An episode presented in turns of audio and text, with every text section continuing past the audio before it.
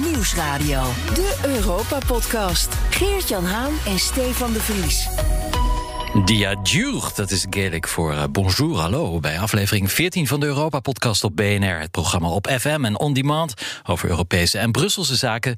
Mijn naam is Stefan de Vries en op ruim 200 kilometer afstand van mij... is mijn collega Eurocommissaris Geert van Haan. Mooi, vanuit Groningen, Stefan. Elke woensdagavond uh, zijn we te beluisteren tussen 7 en half 8. En voor de podcastversie gaan we wat langer door. Die staat dan vanavond laat weer voor je klaar op bnr.nl... en op alle bekende podcasts platforms. Wat we doen in de tweede helft van onze show, dus de podcastversie, dat vertellen we je straks. Eerst de radio-uitzending. We duiken in het plafond van extreem rechts in West-Europa. De Joop Zoetemelk onder de politieke partijen, de eeuwige tweede. Hoe en wanneer lukt het zo'n partij wel om eerste te worden? We leggen vier Europese landen naast elkaar. En het Europees Parlement is voor het eerst sinds 15 maanden weer daar waar het officieel zetelt, in Straatsburg op de Frans-Duitse grens. Après plus de 15 mois, nous sommes de retour à notre siège à Strasbourg. Ja, applaus van voor parlementsvoorzitter David Sassoli, die duidelijk in zijn nopjes was. Ja, maar niet iedereen is er blij mee, uh, Stefan, met dat verhuiscircus. Nee. En eigenlijk moeten we daar gewoon mee stoppen met dat gependel tussen Brussel en Straatsburg. Dat zegt Europarlementariër Lara Wolters. Eurocommissarissen Haan en de Vries houden de Brusselse zaken scherp in de gaten. Tijd voor de Europese Week, uh, Stefan. Zullen we eens een keer een nieuwsrondje doen? Ja, doe maar. Steek maar van wal, Geert-Jan. Wie is de baas? Of beter, wie is de chef? Dat is de vraag waar Brussel het antwoord op weet, maar waar de Duitsers best wel anders over denken. Het draait allemaal om een uitspraak van het Constitutioneel Hof in Karlsruhe vorig jaar.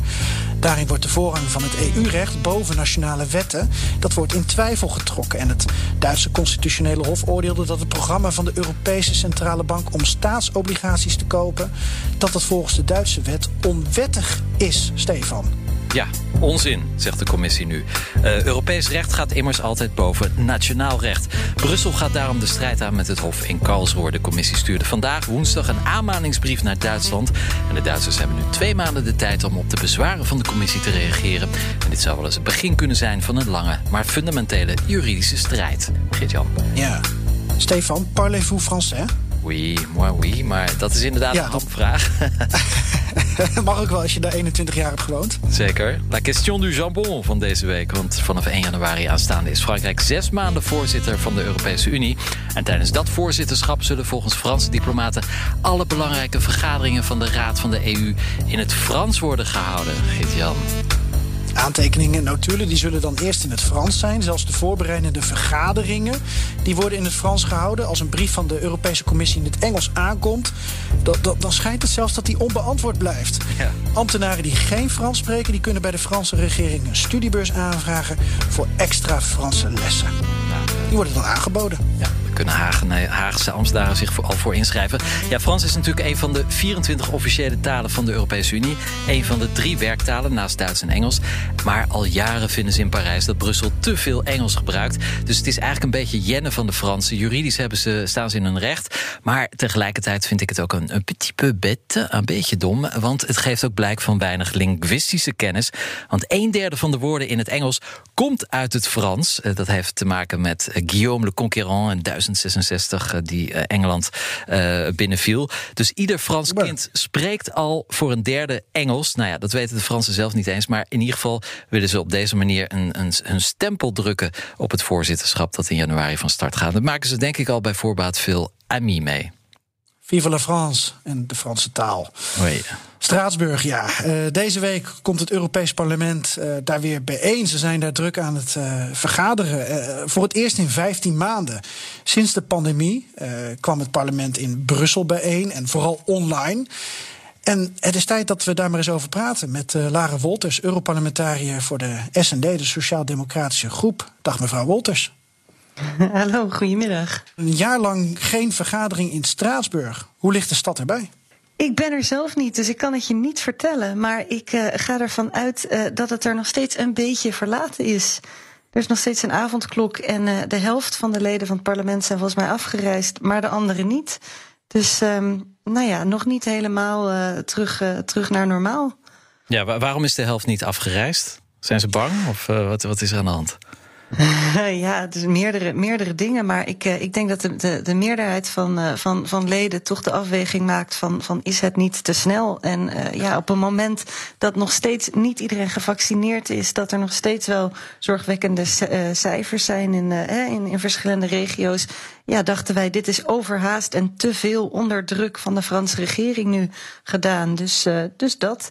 Wat ook niet heeft geholpen is dat er een lokkertje kwam van, uh, vanuit de overheid daar. Namelijk als je naar Straatsburg gaat, dan kun je je uh, meteen laten vaccineren. Uh, en dat vonden we natuurlijk ook een beetje gek. Maar dat is toch aardig? Iedereen mag zich namelijk nu in Frankrijk laten uh, vaccineren, uh, ongeacht leeftijd of wat voor groep. Dus u ook, zelfs Europarlementariërs. ja, maar in, in België en, en in, in Nederland hebben we natuurlijk nou ja, nog het systeem van netjes je beurt af, afwachten. En dit kwam toch een beetje over als, als chantage. ik gun het iedereen natuurlijk hoor, om gevaccineerd te worden. En zeker ook onze staf en, en medewerkers. Maar ja, dit soort besluiten moet je op een, uh, denk ik, op een degelijke manier nemen. En uh, iedereen naar Straatsburg te laten reizen. Iedereen weer in zo'n trein of een vliegtuig te laten stappen. En daarna iedereen in quarantaine uh, plaatsen. Ja, dat, dat, daar is het eigenlijk nog te vroeg voor. Ja. Bent u de enige van de Nederlandse Europarlementariërs die niet naar Straatsburg is gegaan? Of, of zijn er meer die in Brussel zijn blijven zitten? Of, of misschien wel thuis? Nee, er zijn er meer. Volgens mij is, uh, is het merendeel van Nederlandse Europarlementariërs niet gegaan. Een aantal zijn ook wel gegaan. Ja, het is natuurlijk zo dat als de president van het parlement uh, zo'n besluit neemt en je hebt belangrijke afspraken staan die daar live doorgaan, uh, ja, dan is, het, uh, dan is het ook moeilijk om weg te blijven. Want je wil je, wil je, je werk natuurlijk goed doen. Dus. Ja. Um, uh, nou ja, bij mij is de afweging zo uitgevallen, maar anderen hebben hem uh, hebben anders gemaakt. Wat ik me afvraag, hè, u moet eigenlijk in Straatsburg vergaderen. Tot uh, tijdens de pandemie mocht het in Brussel, want het waren buitengewone omstandigheden. Volgens de voorzitter van het parlement zijn die buitengewone omstandigheden nu voorbij. En volgens het verdrag van Lissabon moet u gewoon in Straatsburg vergaderen, want dat is de zetel van het Europees Parlement. Bent u eigenlijk wel legaal bezig door weg te blijven? Moet u niet gewoon in Straatsburg zijn? Uh, nou, dan zou ik even het, het, verdrag van Lissabon erbij moeten pakken. Ja, maar volgens mij 6. hebben we dat. Ja, ja het klopt inderdaad. Um, ja, het is zo dat in het verdrag inderdaad staat dat we twaalf keer per jaar uh, dat we daar zouden moeten vergaderen. Maar goed, daar is natuurlijk ook in coronatijd een, uit, uh, een uitzondering op geweest. ook wel grappig om te noemen misschien. er is ook ooit wel eens mee geëxperimenteerd. Toen heeft het parlement met een foefje geprobeerd om in plaats van twaalf sessies, zes sessies van twee keer twee dagen te organiseren. Dat, uh, dat vond het Hof niet oké, dus dat mocht niet. Um, maar af en toe wordt geprobeerd om er nou ja, in te schuiven. Uh, en, uh, en, dat strandt dan. Um, maar op dit moment, nee, ik denk niet dat ik uh, illegaal bezig ben. Ik denk dat nog steeds uitzonderlijke uh, omstandigheden zijn. Ik denk wel dat vanaf september dat het veel moeilijker wordt uh, om nou ja, die, die hele machinerie van Straatsburg tot stilstand te brengen. En dat is eigenlijk wel wat ik zou willen, ja. Ja, ik heb de vraag ook gesteld aan het Europees Parlement zelf, aan de voorzitter. En, en de woordvoerder daar zei dat de buitengewone omstandigheden zijn nu voorbij. Maar hij kon niet zeggen of, of jullie nou legaal of illegaal bezig zijn. De vraag staat nog uit, dus misschien in een volgende aflevering. Maar ja, de discussie over uh, vergaderen in Straatsburg, de officiële zetel van het parlement, en dan weer terug naar Brussel. Of eigenlijk is het andersom, want ja, je, hoort in Straatsburg te zijn en niet in Brussel. De, die loopt al langer. Laten we even luisteren wat onze ja, collega komiek Arjen Lubach daar onlangs over zei. En nee, dit wordt geen anti-EU-verhaal. Het gaat niet over die gekke 100 miljoen euro per jaar kostende verhuizing elke maand van Brussel naar Straatsburg en terug, die 100 miljoen euro per jaar kost. Nee, ja, 100 miljoen kost die verhuizing, misschien zelfs wel meer. Maar uh, ja, u, u bent eigenlijk voor uh, meer Brussel, oftewel helemaal geen Straatsburg meer. Met een groep jonge nieuwe Europarlementariërs heeft u gezegd: het is waardeloos en het is een verspillend verhuiscircus. Vindt u dat nog steeds? Vind ik nog steeds. Ja, ja, en meer Brussel, daar moet je mee uitkijken natuurlijk. Dat klinkt uh, altijd verkeerd. Uh, maar het, het, punt is natuurlijk, we moeten ophouden met, met verhuizen. Want inderdaad, het is zelfs meer dan 100 miljoen per jaar. daarnaast is er volgens mij 19.000 ton CO2 mee gemoeid. Dus het, het, ja, het valt niet uit te leggen. En ik denk dat het belangrijk is dat hè, Europa is al ingewikkeld. Uh, Europa is al een ver van mijn bedshow voor veel mensen. Uh, dat is niet goed, hè? Daar, daar dragen jullie gelukkig ook aan bij, om dat minder zo te laten zijn. Maar dingen als Straatsburg, ja, hoe, hoe leg je het uit? Ik vind het, ik vind het mooi, laat me niet, um, of um, begrijp me niet verkeerd. Ik vind het symbolisch mooi dat Frankrijk en Duitsland in het Europese project en in nou ja, het opbouwen van Europa, dat die um, ja, dat die vaak uh, flink pro-Europees zich uitlaten. Dat die met dit soort dingen, hè, als zo'n zo'n uh, zo'n uh, zo'n zetel in Straatsburg, als die proberen iets met het Europese gevoel te doen. Dus daar ben ik zeker niet tegen. Um, maar ja, op deze manier, dit is een, een verspilling helaas van, van geld en CO2 en ook van, van energie. Want het is een hele hoop gependel. Uh, en die tijd kun je ook anders gebruiken. Ja, ja ik begrijp uw rationele argument. Maar inderdaad, Straatsburg, het parlement, staat bijna letterlijk op de grens van Duitsland en Frankrijk. De grote mogendheden die drie keer elkaar hebben proberen te vernietigen in een eeuwtijd. Het is natuurlijk ook een belangrijke symboliek voor de eenheid van Europa. Is die symboliek niet een beetje geld waard? Of, of bent u puur rationeel en niet gevoelig voor Europese emoties? nee, ik ben er zeker wel gevoelig voor. Uh, en ik vind die symboliek ook belangrijk. En ik vind dat we als Nederlanders vaak uh, soms iets te droog naar dit soort dingen kijken. Maar uh, als ik het moet rangschikken in, in nou ja, orde van, van, van belangrijkheid.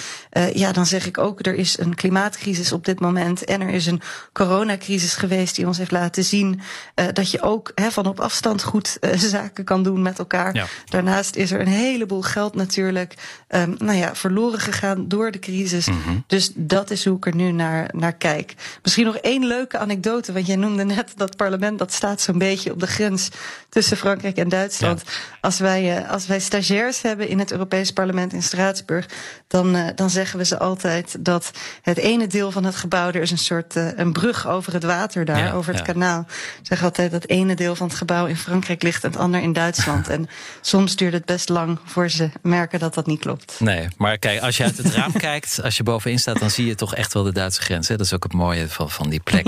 um, maar goed, ja, het is misschien niet zo aardig om te zeggen tegen u als Europarlementariër. Maar eigenlijk, waar u moet vergaderen, daar heeft u helemaal niets over te melden. Want de enige die over uw huis gaan, dat is misschien ook een beetje raar, dat zijn de lidstaten. En de lidstaten, ja, behalve Nederland, is er eigenlijk geen lidstaat die er aanstoot aan neemt aan, aan dit, dit verhuiscircus. Ja.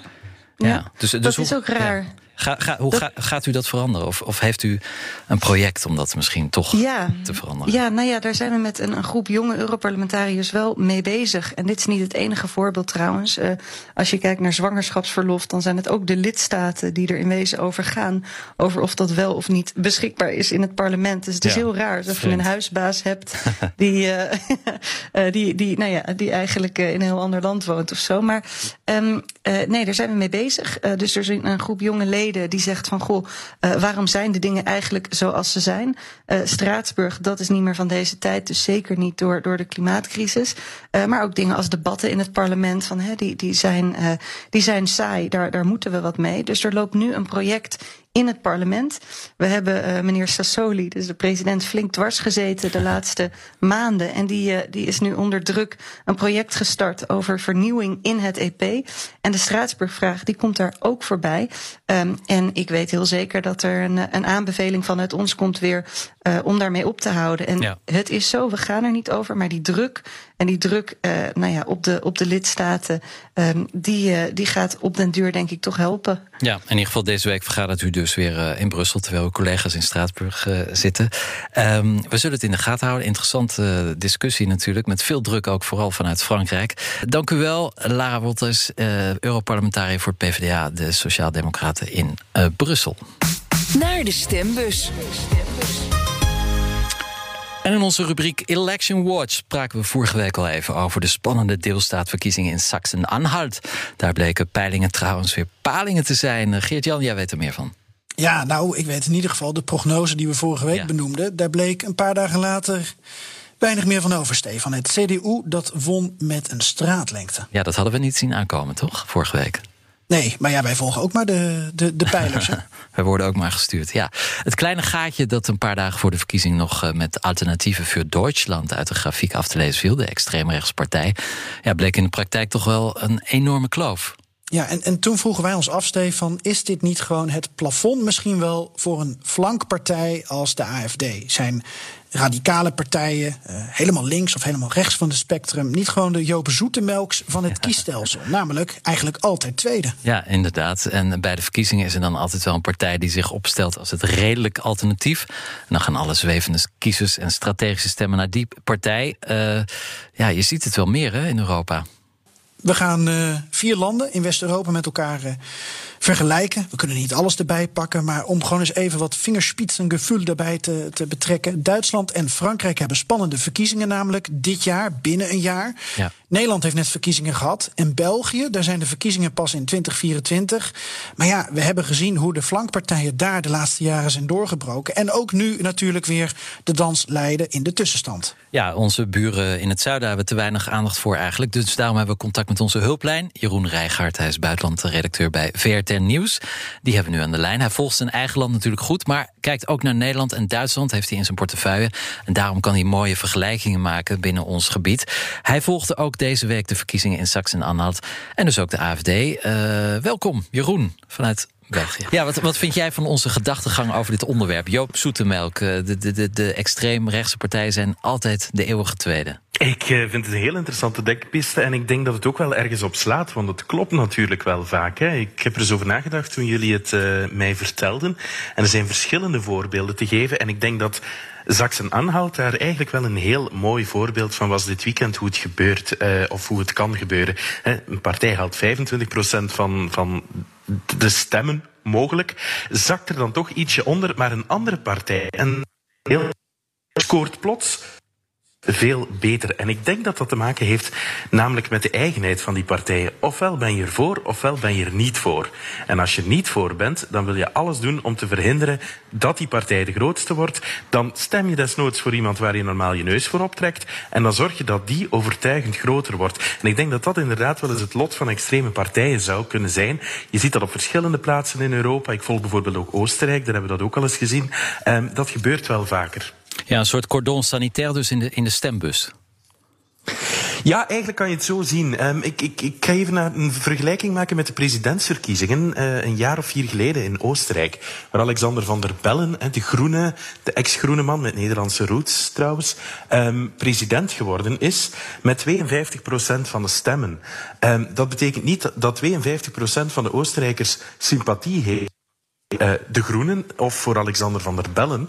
Maar 52 procent wou vooral verhinderen dat de andere kandidaat, want het was een, een, een, een, uh, een tweede ronde stembus waar twee partijen overschieten, uh, de kandidaat van extreem rechts, dat die het zou halen. Dus met andere woorden, je had eigenlijk 48% die stemde voor extreem rechts en 52% tegen extreem rechts. Dat was de uitslag. En ik denk dat daardoor dus ja, die stelling vaak wel onderbouwd kan worden. Ja. Jeroen, je hebt je ook uitgebreid in voormalig Oost-Duitsland verdiept. Twee jaar terug was je ook in Oost-Duitsland, in Brandenburg en Sachsen, bij, bij de verkiezingen daar. De mhm. AFD heeft in Sachsen-Anhalt nu zo'n 23% van de stemmen gekregen. Net als vijf jaar terug, heel veel.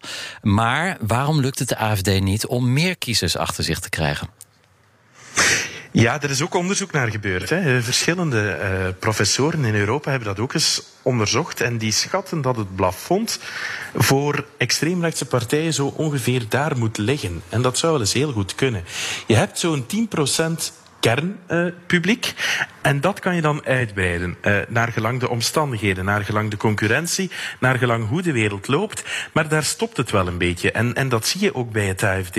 Zowel in Sachsen als in Brandenburg als uh, in Sachsen-Anhalt halen ze peilingen, soms resultaten die dicht tegen die 25% zitten, maar daarboven uh, raken ze niet echt. En je ziet dat ook wel op vele andere plaatsen in Europa. Hè.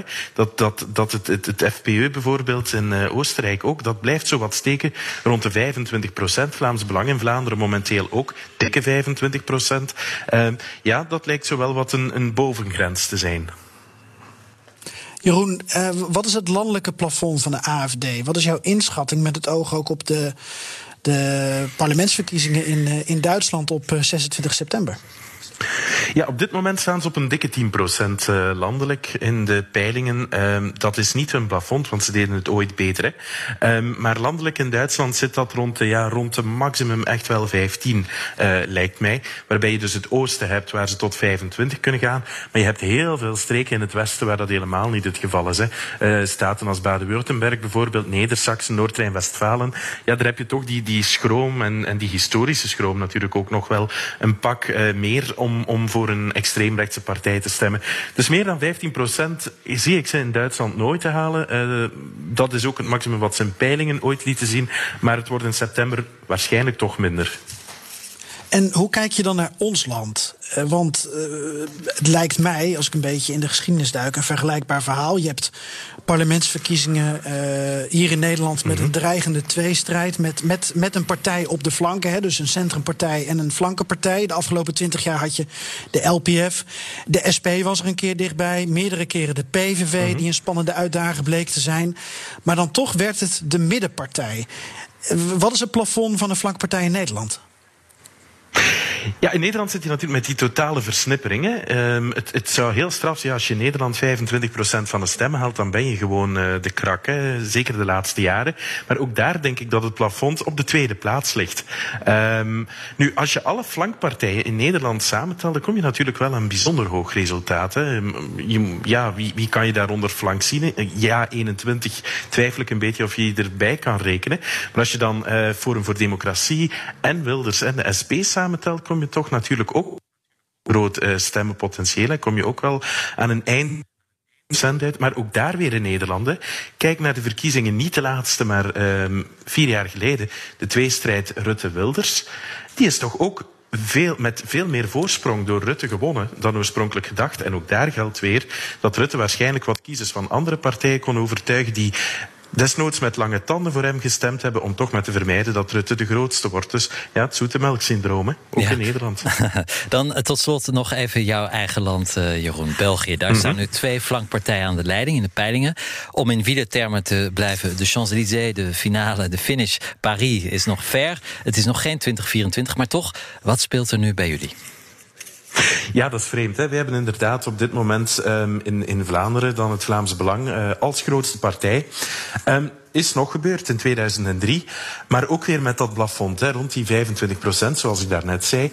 Uh, maar wat je bij ons hebt, net als in Nederland, is een enorme versplintering natuurlijk. En je hebt veel minder tweestrijd in de politiek. Het wordt vaak veel minder uitgespeeld als een duel tussen die en die, maar echt meer als een soort, ja, uh, zeg maar match tussen verschillende partijen, om het zo te zeggen.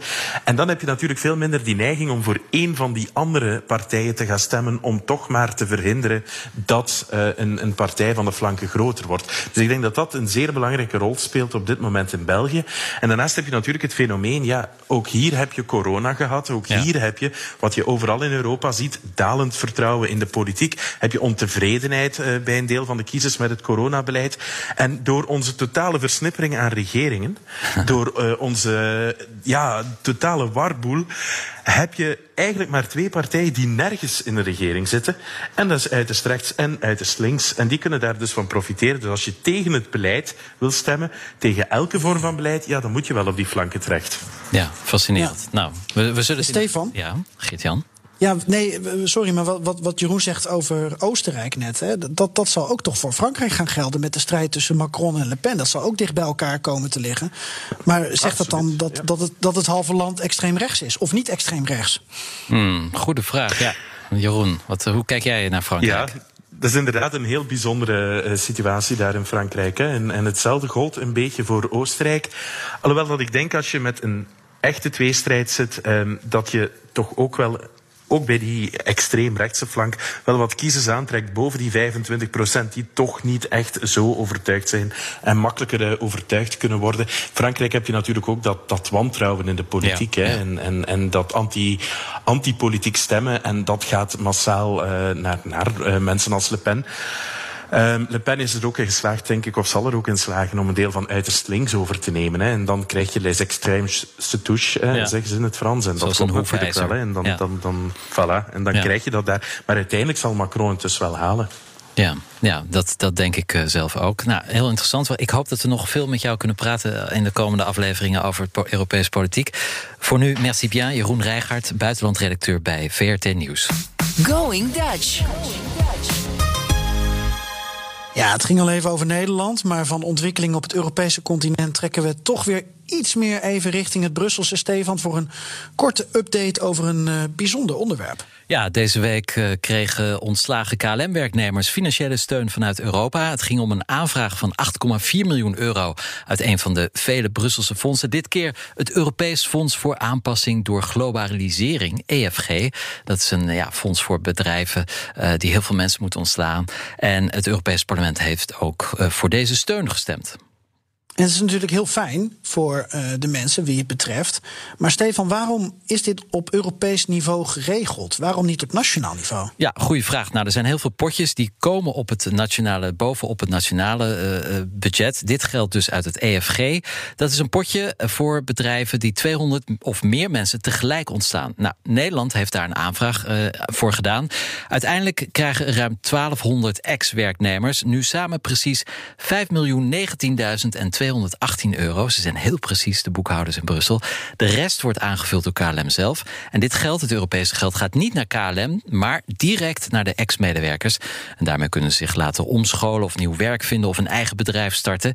En ook getroffen werknemers uit drie andere EU-landen, bijvoorbeeld van Finnair, die krijgen ook financiële ondersteuning. En ja, dit geld komt dus ten goede direct van de ontslagen werknemers.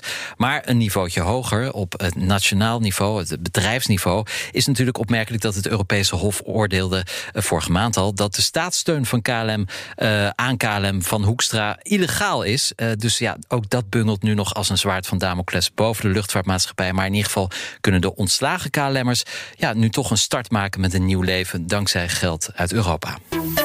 Wat staat er op de agenda? Straks onze langere podcastversie, Stefan. Wat krijgen mensen in deel 2 van de Europa-podcast allemaal voor hun kiezen? Nou, we gaan het hebben over Joe Biden. Die komt naar Europa. Uh, over een kleine mea culpa van de Brexit-minister... voor de chaos rondom Noord-Ierland. En in onze rubriek Vaccin, uh, rank, Ranking the Vaccins... horen we deze man. I found freedom with vaccination. You can too. Hof, off. Hof, off. Dat straks, maar nu eerst de nummer 1 in. Tijd voor onze eigen wekelijkse Eurovisie Songfestivalletje. Wij gaan gewoon door op zoek naar een zomerhit. En eentje die dit keer eens niet Engelstalig is. Ja, leuk misschien om daarom eens bij uh, Oostenrijk langs te waaien. Want daar staat een populair duo op één met een hit in Oostenrijks en Beiers, Hürden.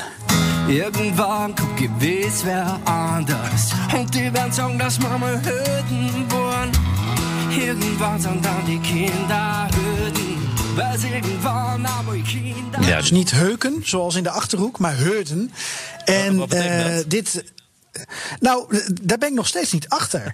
ik, ik, heb een vriend van mij gevraagd uit Beieren, maar die reageert niet. Maar ik, ik, ik kan het niet vinden op internet. En internet weet toch alles? Dit is het eerste ding in mijn leven dat ik niet heb kunnen googlen. Oh jee, nou, ik heb het internet al uit, maar goed. ik kom de volgende keer terug op de vertaling, hopelijk. Ja, en als je het nummer helemaal wilt horen, die kun je vinden op de playlist BNR Europa Podcast Muziek nummer 1 op Spotify. Even zoeken en voor je het weet stroomt al die prachtige Europop je oren in. En daarmee zijn we al aan het einde gekomen van de FM-aflevering van de Europa-podcast van BNR. Maar we gaan lekker door, uh, Geert-Jan. De Europa-podcast. Ja, leuk dat je nog steeds luistert naar de Europa-podcast. De tweede helft met collega Geert-Jan Haan.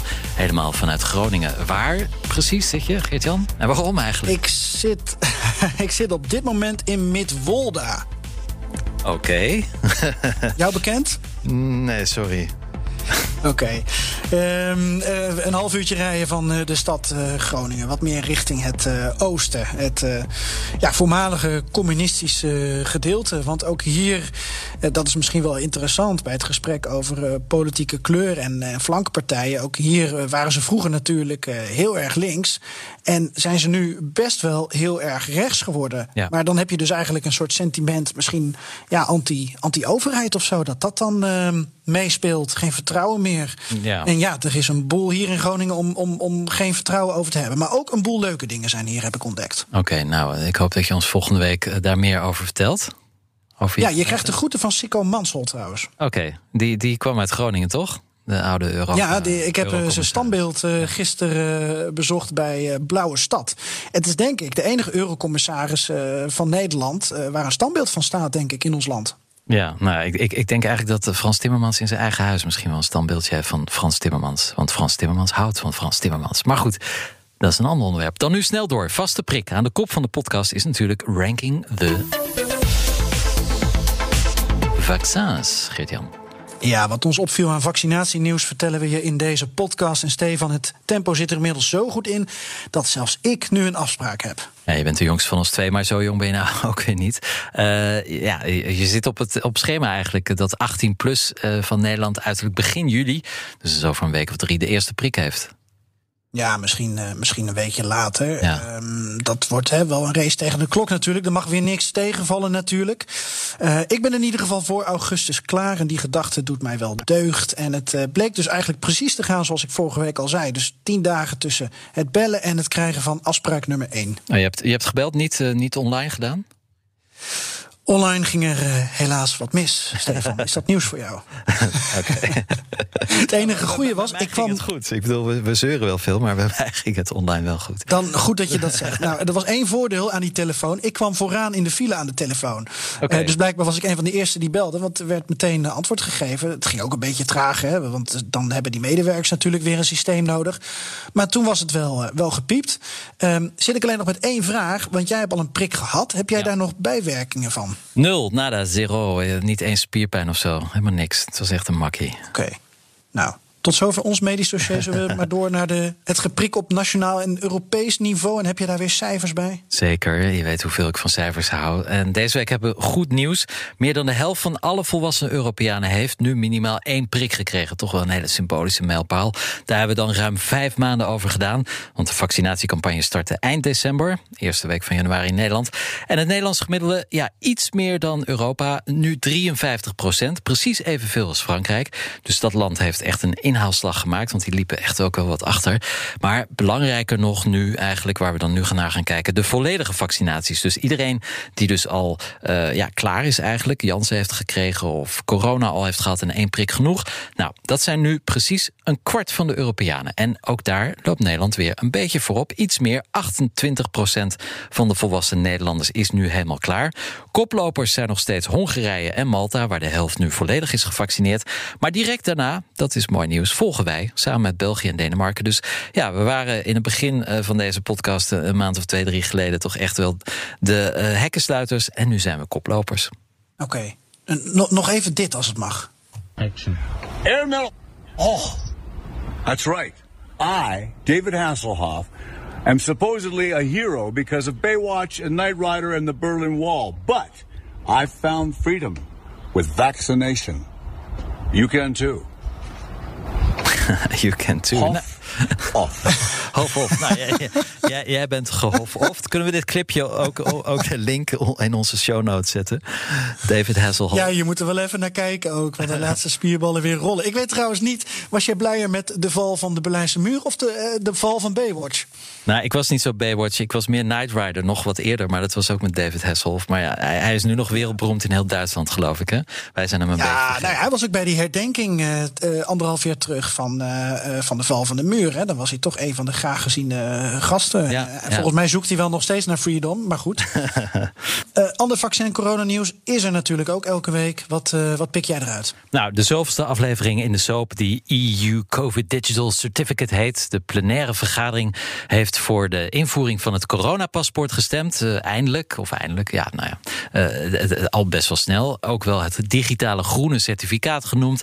Ehm, er waren 546 stemmen voor in het Europees Parlement en 93 tegen en 51 onthoudingen. En ja, een aantal landen heeft helemaal niet gewacht op die stemming. Eh, die gaan gewoon lekker eh, door. Spanje begon gisteren dinsdag al met de eigen versie van het paspoort. Frankrijk vandaag op woensdag en zeven andere Europese landen hadden vorige week al de boel op orde. De laatste stap nu is goedkeuring door de Europese regeringsleiders. En dat, dan staat eigenlijk niets meer in de weg voor de invoering op 1 juli aanstaande. Ook in Nederland, tenminste, als VWS erin slaagt alle technische haken en ogen op te lossen. Ja, en jij hebt volgens mij nog een toevoeging uh, met betrekking tot Nederlandse ziekenhuizen. En dat vind ik altijd spannend en leuk als jij het hebt over uh, corona en Nederland. Uh, daar heb je altijd een bepaalde kijk op. Jij komt na 22 jaar Parijs weer terug in Nederland. En dan vraag je aan mij dingen als hoe moet je in Nederland naar de oogarts. Dus dan denk ik van nou, Stefan, waar ben je zo benieuwd naar nu? Nou ja, dat gaat in Frankrijk inderdaad allemaal heel anders. Alles wat met medische, medische zaken te maken heeft. Ik wil niet zeggen dat het beter gaat, soms wel, soms niet. Maar ach, andere, andere monniken, andere kappen. Um, waar ik me wel over verbaas, daar kwam ik deze week pas achter, is dat Nederlandse ziekenhuizen, die vaccineren natuurlijk ook. En die hebben ook eigen databases. Dus als een patiënt een prik krijgt, dan komt hij in een database van het ziekenhuis. Nou, de meeste ziekenhuizen die communiceren dat dan wel met de RIVM. Maar dan is er nog een andere database, dat is namelijk het personeel van het ziekenhuis. Dat is een database die wordt beheerd door HR, door personeelszaken. En dat moet dan ook weer naar het RIVM. Dus ja, het is echt een puinhoop. Eh, terwijl je in Frankrijk gewoon al vanaf de eerste prik die uitgereikt is of gezet is, een QR-code had op, op een papiertje waarmee je die uiteindelijk kunt scannen. En nu dus in die corona-app kunt doen, die vanaf vandaag woensdag operationeel is in Frankrijk. Dus ja, we hebben nog heel veel databases. Niet echt handig voor de registratie. En ja, de grote vraag is natuurlijk: is Nederland inderdaad klaar op 1 juli met dat coronapaspoort? In Den Haag verzekeren ze ons nog steeds. Daar gaan we wel vanuit. Als we vragen en als het nou niet lukt, ja, daar gaan we niet vanuit. Nou, heel veel verder komen we niet, maar in ieder geval, in principe op 1 juli heeft heel Europa dat uh, beruchte coronapaspoort. Media Watch. Nou, en over soaps gesproken. Als we de media afstruinen, Geert-Jan... dan komen we nog steeds veel over brexit tegen. Ook al is dat ja, al lang achter de rug, uh, in kannen en kruiken... maar ja, toch nog niet helemaal. Het blijft sputteren. De kater komt altijd later. Wat een wedstrijd. Ja, deze week um, had je dan uh, een, een, soort eerste uh, UK-EU-top. Dat soort zaken krijg je dan nu ook natuurlijk. Hè. Het eerste van dit, het eerste van dat. Uh, nou, daarover kan ik je in ieder geval al melden dat er geen doorbraak is. Dat is het nieuws ook van vandaag. Um, en dat heeft allemaal te maken met het Noord-Ierland-protocol. Dat brengt mij ook bij een opiniestuk van David Frost in de Financial Times. The EU must revisit de Northern Ireland Protocol.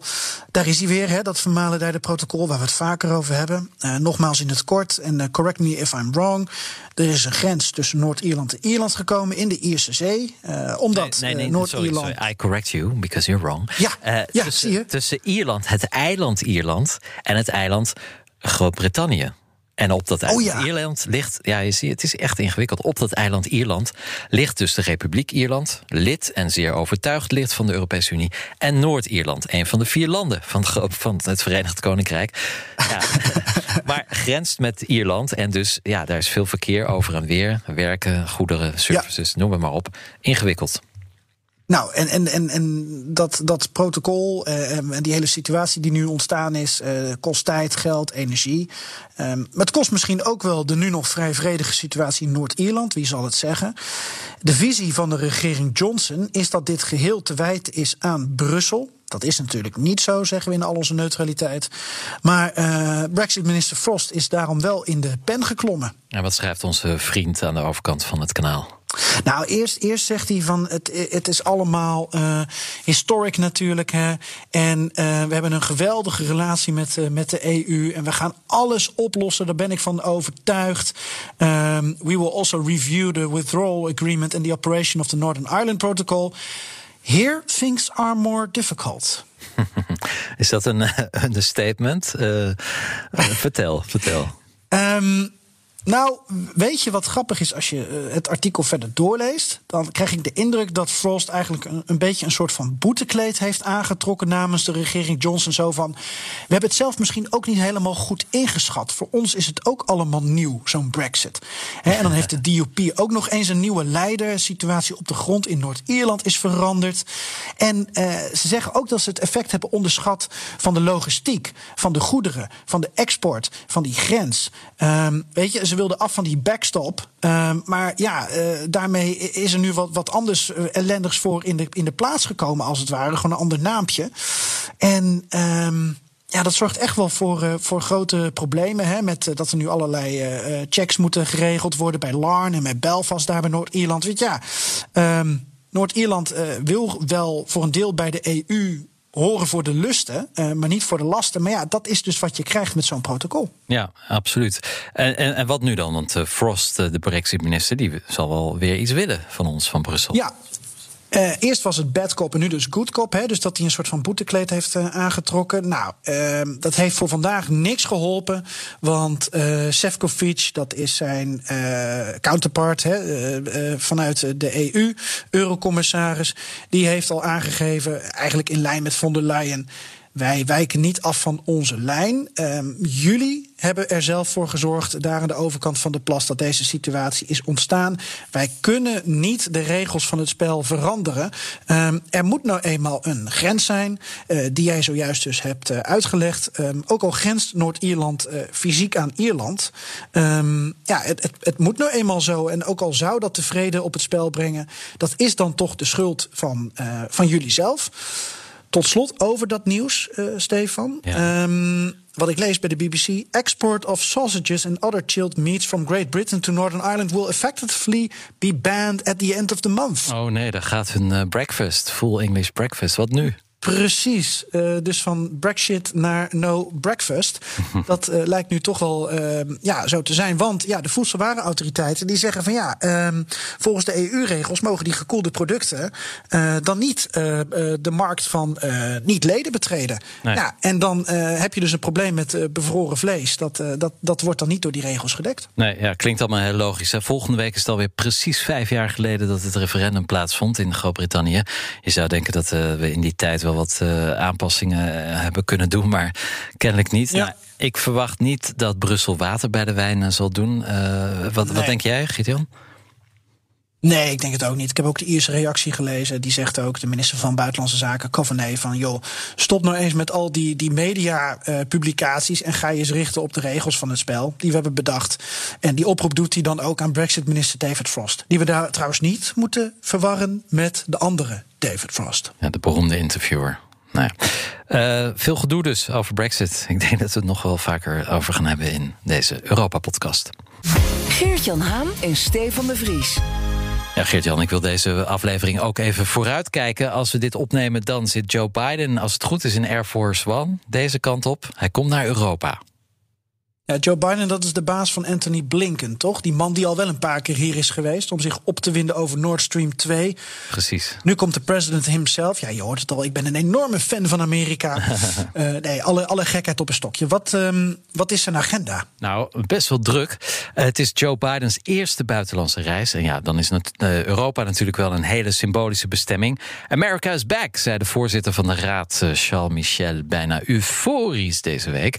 Na de donkere jaren met Trump Trump, waarin de twee blokken, de EU en de VS, uit elkaar zijn gedreven, is er nu dus hoop dat we weer een beetje nader tot elkaar kunnen komen. Maar ja, ik denk dat er geen enkele illusie is dat Joe Biden het idee van America First laat varen. Sterker nog, uh, met het concept van de strategische autonomie uh, begint in de EU nu toch ook het idee van Europe First aan het terrein uh, te winnen. Terrein te winnen.